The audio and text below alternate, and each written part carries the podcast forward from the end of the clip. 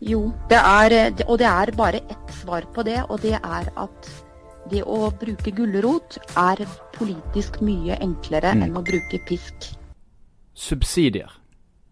Smak litt på det ordet. Spennende? Neppe. Men for fornybar energi så er det kanskje det viktigste som finnes. Fremdeles pøses det ut hvert år milliarder av offentlige kroner i støtte til bl.a. vindkraft og solenergi. Målet? Å få bygget mer fornybar energi, mens teknologien fremdeles ikke er konkurransedyktig på egne bein. Men hvordan brukes egentlig disse pengene? Hvordan fungerer ordningene? Og ikke minst, hva skjer når man endrer på dem? Mitt navn er Martin Hirt, og med meg på telefon så har jeg seniorforsker Kristin Linnerud fra Cicero. Velkommen til deg, Kristin. Ja, takk for at jeg får komme. Kristin er økonom og er ekspert på investeringer i fornybar kraft. Og kan kanskje åpne med det, med det mest, mest sånn essensielle spørsmålet, Kristin. Altså, hva er støtteordninger for fornybar energi? Altså, hvilke ulike former finnes det, og, og hvordan fungerer de? Ja, det er jo um, nesten 100 land i verden som har en eller annen form for produksjonsstøtte. Og da får produsenten en støtte per kilowatt-time som de leverer på nettet. Og, og det er et mylder av ordninger, og det er utrolig mange navn på disse ordningene. Men det går an å dele de i tre veldig enkle bokser. Og det ene det er at du får en fast tariff i stedet for den usikre strømprisen i markedet. Og det kalles feed-in-tariffer. Mm. Da vet Den- man, på, hvis man inngår en, en, si en tiårs lang kontrakt, så vet man egentlig i det øyeblikket man inngår kontrakten, hvor mye inntekter man vil få gjennom Ja. den perioden. Mm. Det er helt rett. Ja. Um, og så har du en annen ytterlighet, som er den som Norge og Sverige har eh, valgt. Og det er at man har en sertifikatordning, og da mottar produsenten to usikre priser. En fra å selge kraft i markedet, og en fra å selge sertifikater i markedet. Og så i tillegg til de to ordningene, så har du en mellomting. Og det er at du selger kraften i markedet, og så mottar du en fast premie på toppen. Mm. Og den er, den er fast i størrelse i 20 år eller 10 år eller noe sånt. nå. Den har da ingen risiko. Eh, Av, de, av disse tre kategoriene, går det an å si at en av de er mer utbredt enn en andre? Ja, det er helt klart eh, den som eh, feed-in-tariffer, altså der hvor du erstatter strømpris med en fast pris, det er helt klart den som er eh, mest populær. Mm. Det er eh, Globalt så er det kanskje tre av fire land som har den som en hovedordning. Og i EU så er det kun tre land i tillegg til eh, Norge og Sverige som har valgt den eh, noe mer risikable sertifikatordningen. Og det er Romania, Polen og Storbritannia. Mm. Eh, vi skal komme litt tilbake igjen til dette med, med risiko. For det, sånn jeg, jeg oppfatter den tredelingen, så er det jo det altså, si, litt enkelt, meng, mengden av risiko i de ulike støtteordningene som, som skiller de fra hverandre. Det er korrekt eh, oppsummert på en litt sånn eh, Ja. enkel ja. måte. Um, altså, du, du har, eh, har skrevet en del forskningsartikler knyttet til dette temaet i det siste. Og, og i, um, i en som er i Samfunnsøkonomen nå i, i starten av januar, så skriver du at EU-kommisjonen ønsker en, en overgang til, til mer bruk av markedsbaserte eh, støtteordninger, som jeg da antar er disse som har, har mer eh, risiko, altså rett og slett at prisen varierer med, med markedet. Så hva, hva er grunnen til at man ønsker det? Hva ønsker man å oppnå ved, ved en sånn overgang?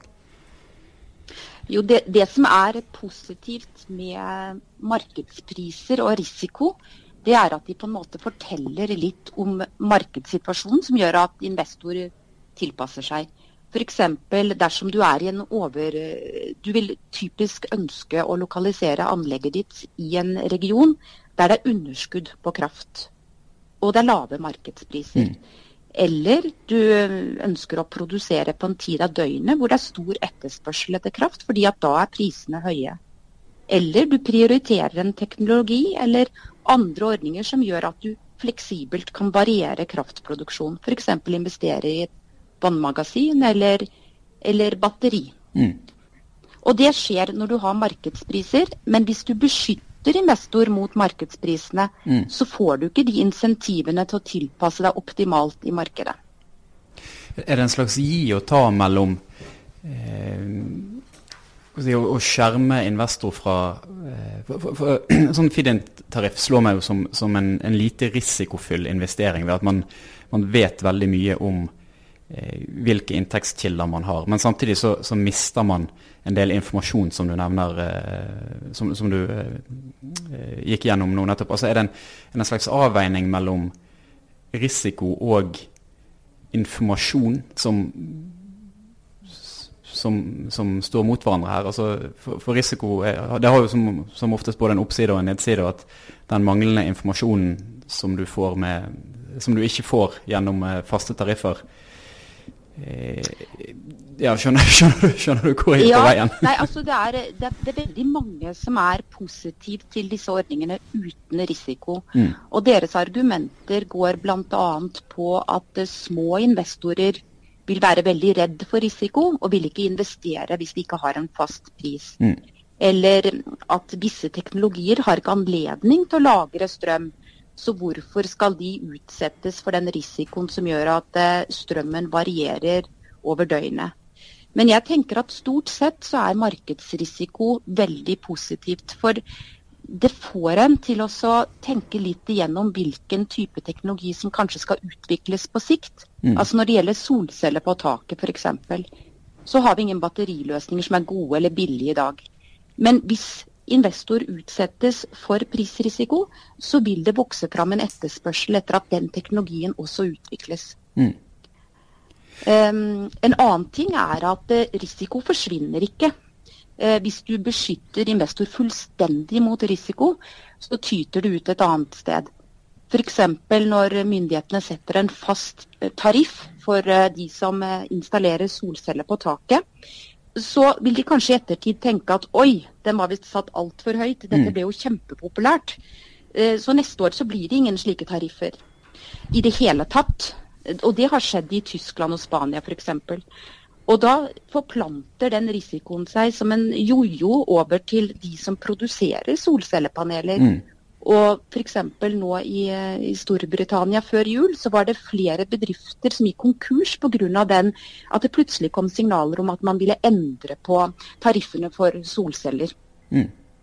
Så- Sånne markedsbaserte støtteordninger, er de med på å presse prisene nedover? For jeg tenker at Man ser jo en, en voldsom teknologisk utvikling, og, og eh, prisen spesielt på sol, men òg på landbasert vindkraft eh, går nedover. Og, og jeg tenker i mitt stille ikke- ikke-økonomiske sinn at hvis man inngår nettopp en sånn fast 20 år lang eh, prisavtale, så vil det jo skje utrolig mye utvikling innenfor disse 20 årene. mens mer markedsbaserte støtteordninger kan si, si, naturlig nok i navnets kraft ligger tettere på markedet og den prisutviklingen man ser fra dag til dag, eller gjerne ikke fra dag til dag, men fra, fra uke til uke. Altså, jeg mener jeg har lest at um, i de i, eh, forsøkene man har hatt nå med, med, mer markedsrettede ordninger i Tyskland, så har man eh, fått lavere priser enn det man hadde med, med faste støttesummer. Mm, mm. Eh, Jeg ville heller hatt fokus, og det er litt typisk oss som er samfunnsøkonomer, da, men vi har ikke så mye fokus på hva husholdningen og industrien betaler sånn med en gang. Mm.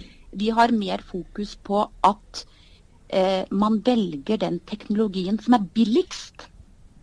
Altså at det beste bygges ut først, Mm. og at vi på den måten plukker det som man kaller lavthengende frukter først. Um, og for at det skal skje, så må støtten være lik. Uavhengig om du bygger vindkraft eller solkraft eller vannkraft som bygges ut. Um, og uavhengig om man utbedrer et gammelt kraftverk eller bygger et nytt. Og uavhengig om det ligger i Sverige eller Norge. Mm. Når støtten på den måten er teknologinøytral, så vil det som er billigst bli bygget ut først. Og det vil faktisk eh, gjelde om ordningen er markedsbasert eller det er en eh, fast feed-in-tariff. Men det som er viktig, er at eh, støtten må være lik for alle. Og det er mest vanlig å ha det slik under grønne sertifikater. Mm. Mens når det gjelder feed-in-tariffer, er det veldig vanlig å differensiere. Slik at dyr teknologi får høy støtte, billig teknologi får lav støtte. Og det bidrar ikke til at det billigste blir bygget ut først. Riktig. Så du er positiv til måten man har gjort det på i Norge og Sverige også, med en, med en sertifikatordning? Ja, jeg tenker at det har vært gitt at man har bestemt seg for at vi skal bygge ut fornybar energi. Vi skal nå et mål. Så tenker jeg at Norge og Sverige har gjort veldig mye rett. Mm. Det, jeg tenker, det er kanskje et lite sidespor. Eh, vi skal komme tilbake til dette med, med politisk risiko òg. Men jeg har sett at eh, det gis jo ut vesentlig flere konsesjoner i Norge eh, enn det bygges eh, anlegg, om det er vindkraft, eh, småkraft eller, eller hermetegn vanlig vannkraft. Og Da ser jeg at mange av aktørene som sitter på konsesjoner, de skylder jo naturlig nok på, på lave strømpriser, at de ikke får, eh, får godt nok betalt for varen, men òg at sertifikatprisene er, er, lave. At det tross denne støtten ikke vil være lønnsomt å bygge ut. Og Det, det jeg lurer på er altså, hva, bestemmer sertifikatprisen? Hva, hva, settes den etter? Jeg tenker at eh, det er summen av priser mm. som bestemmes. Og den summen den bestemmes av den dyreste teknologien som tas i bruk til enhver tid. Um, slik at sånn sett så var det mange med meg som tenkte at etter hvert som sertifikatordningen skred framover, så ville den summen bli større. Mm. Uh, men det har ikke skjedd. Og det uh, skyldes nok flere forhold. Bl.a. så har nok rammevilkårene når det gjelder skatt i Sverige vært gunstigere enn det mange um, kanskje så for seg i det ordningen ble innført i 2012. Og så kan det også være at selve teknologiene har blitt billigere. Mm. At det er blitt billigere å bygge et vindkraftanlegg nå enn det var for ti år siden f.eks. Mm. Eh, et, et, uh, sikkert et umulig spørsmål å svare på, men av, av disse tre hovedbolkene med ordninger som du, som du åpnet med, finnes det, for, altså, finnes det, forskning på hva som fungerer best? Eller er, det, eller er det avhengig av hva man ønsker å oppnå? Ja, det er, det er, veldig avhengig av de, eh, hva man ønsker å oppnå, og de brillene man har på seg også sånn rent faglig. Eh, jeg tror nok at de aller fleste samfunnsøkonomer vil være opptatt av at eh, ordningen er, reflekterer markedssignaler, og at den er teknologinøytral. Mm. Eh, mens andre faggrupper vil ha fokus kanskje mer på innovasjon, og så vil de peke på at eh, her er det faktisk et poeng å ha, få fram raskt få fram en bredde av ulike teknologier. Eh, og da må vi differensiere. Det er ikke det økonomisk smarteste, men det kan være det rette å gjøre. Mm. Eh, hva, du, du, var litt inne på dette med, med politisk risiko i, i starten hva, hva, skjer når subsidier endres? Jeg leste nettopp eh, at i Spania, der man, så vidt jeg har fått med meg, har eh, endret på støtteordningene med tilbakevirkende kraft, eh, så ble det ikke bygget ut noe ny vindkraft i fjor. Eh, og mange peker på en direkte sammenheng mellom, mellom det og den, det som oppleves som en stor politisk usikkerhet. Altså, eh, hvor, hvor, sensitiv er industrien og, og energimarkedet for den type både faktiske endringer, men òg i Storbritannia har det jo òg vært, eh, vært, mer snakk om eh, subsidieendringer som, som, fremdeles ikke er, er vedtatt. Mm. Jeg tenker at politisk risiko for at du endrer på spillereglene, det er veldig mye viktigere, eh, veldig mye større risikofaktor for investor enn det at priser svinger. Mm. Ehm, for det første så er investor helt vant med at priser svinger. Og de har verktøy for å beskytte seg mot slike prisendringer. Og det, dette er på en måte en helt vanlig situasjon for dem å håndtere. Men det at politikerne går inn og endrer på rammevilkår, og da med tilbakevirkende kraft, det kan føre til en voldsom oppbremsing i investeringslysten. Ehm, vi har ikke gjort noen empirisk undersøkelse av dette, men vi har regnet ut investeringsbeslutningsregler for en rasjonell investor som tror at dette kommer til å skje. Mm. Og vi ser at eh, de, det slår veldig ut på det avkastningskravet som eh, investoren forlanger før de går inn og investerer.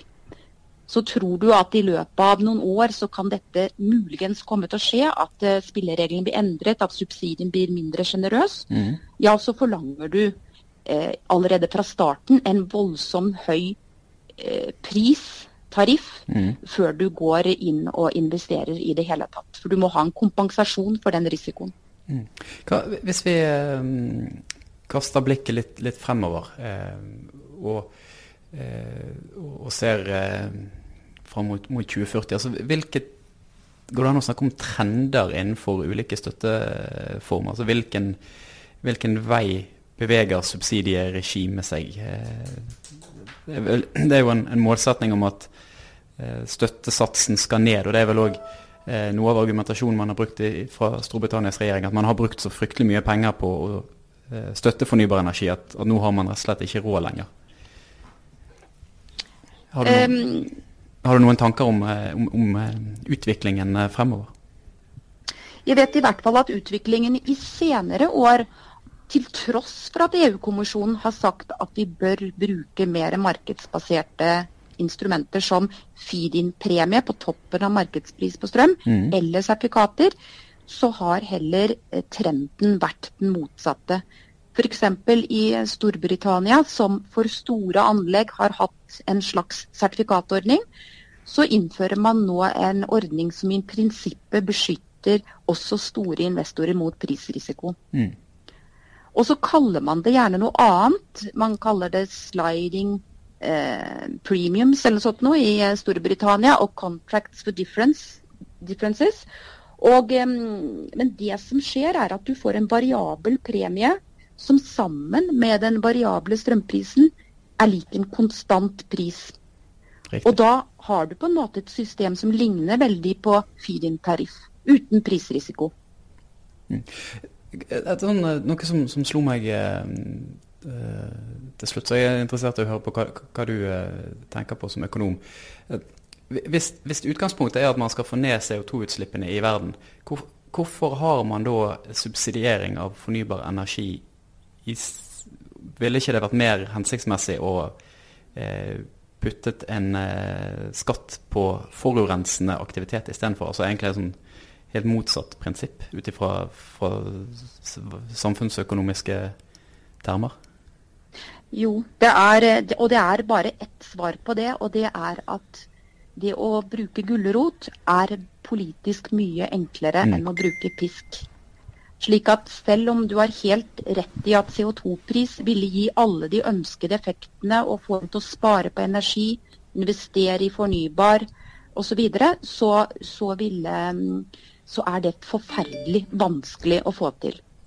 Og Derfor så må man gjøre litt begge deler. Man må både jobbe med over tid å få en stadig høyere CO2-pris, og så må man også til en viss grad støtte framveksten av radikalt ny eh, teknologi på fornybarsiden. Helt til slutt, eh, Kristin. Eh, Elsertifikatmarkedet i, Norge og Sverige løper ut. Det er vel i 2021 man må ha, ha fått anlegg på, på beina for, for å, å, å få støtte. Tord Lien har jo i hvert fall uttrykt seg på en måte som gjør at det går an å tolke han dit hen at han ikke er så veldig begeistret for å fortsette eh, etter denne perioden. Hva tror du skjer med, med støttesystemene i, i Norge, eventuelt Norge-Sverige? Um, jeg tror i hvert fall for Norges del så er det lurt å ta en pause. Fordi, Fordi at um, det at vi i løpet av ni år nå pøser på med veldig mye fornybar kraft i Norge og Sverige, det fører til et prispress nedover på strømprisene. Og ehm, for det første så det så lider den etablerte kraftindustrien under stadig lavere priser. Men viktigere hvis man tenker på klima, det er at eh, dette fører til at man legger seg til vaner, både i industrien og husholdninger, som fører til at vi sløser litt mer med strøm. Vi har ikke de samme insentivene til å redusere vår strømbruk, legge om livsstilen vår og velge mer eh, økonomisk gunstige produksjonsprosesser. det var det vi rakk, eh, Kristin. Tusen takk for at du var med og ga eh, våre lyttere en innføring til støtteregimer innenfor fornybar energi. Vi er tilbake neste uke med et nytt tema. Kjempeflott.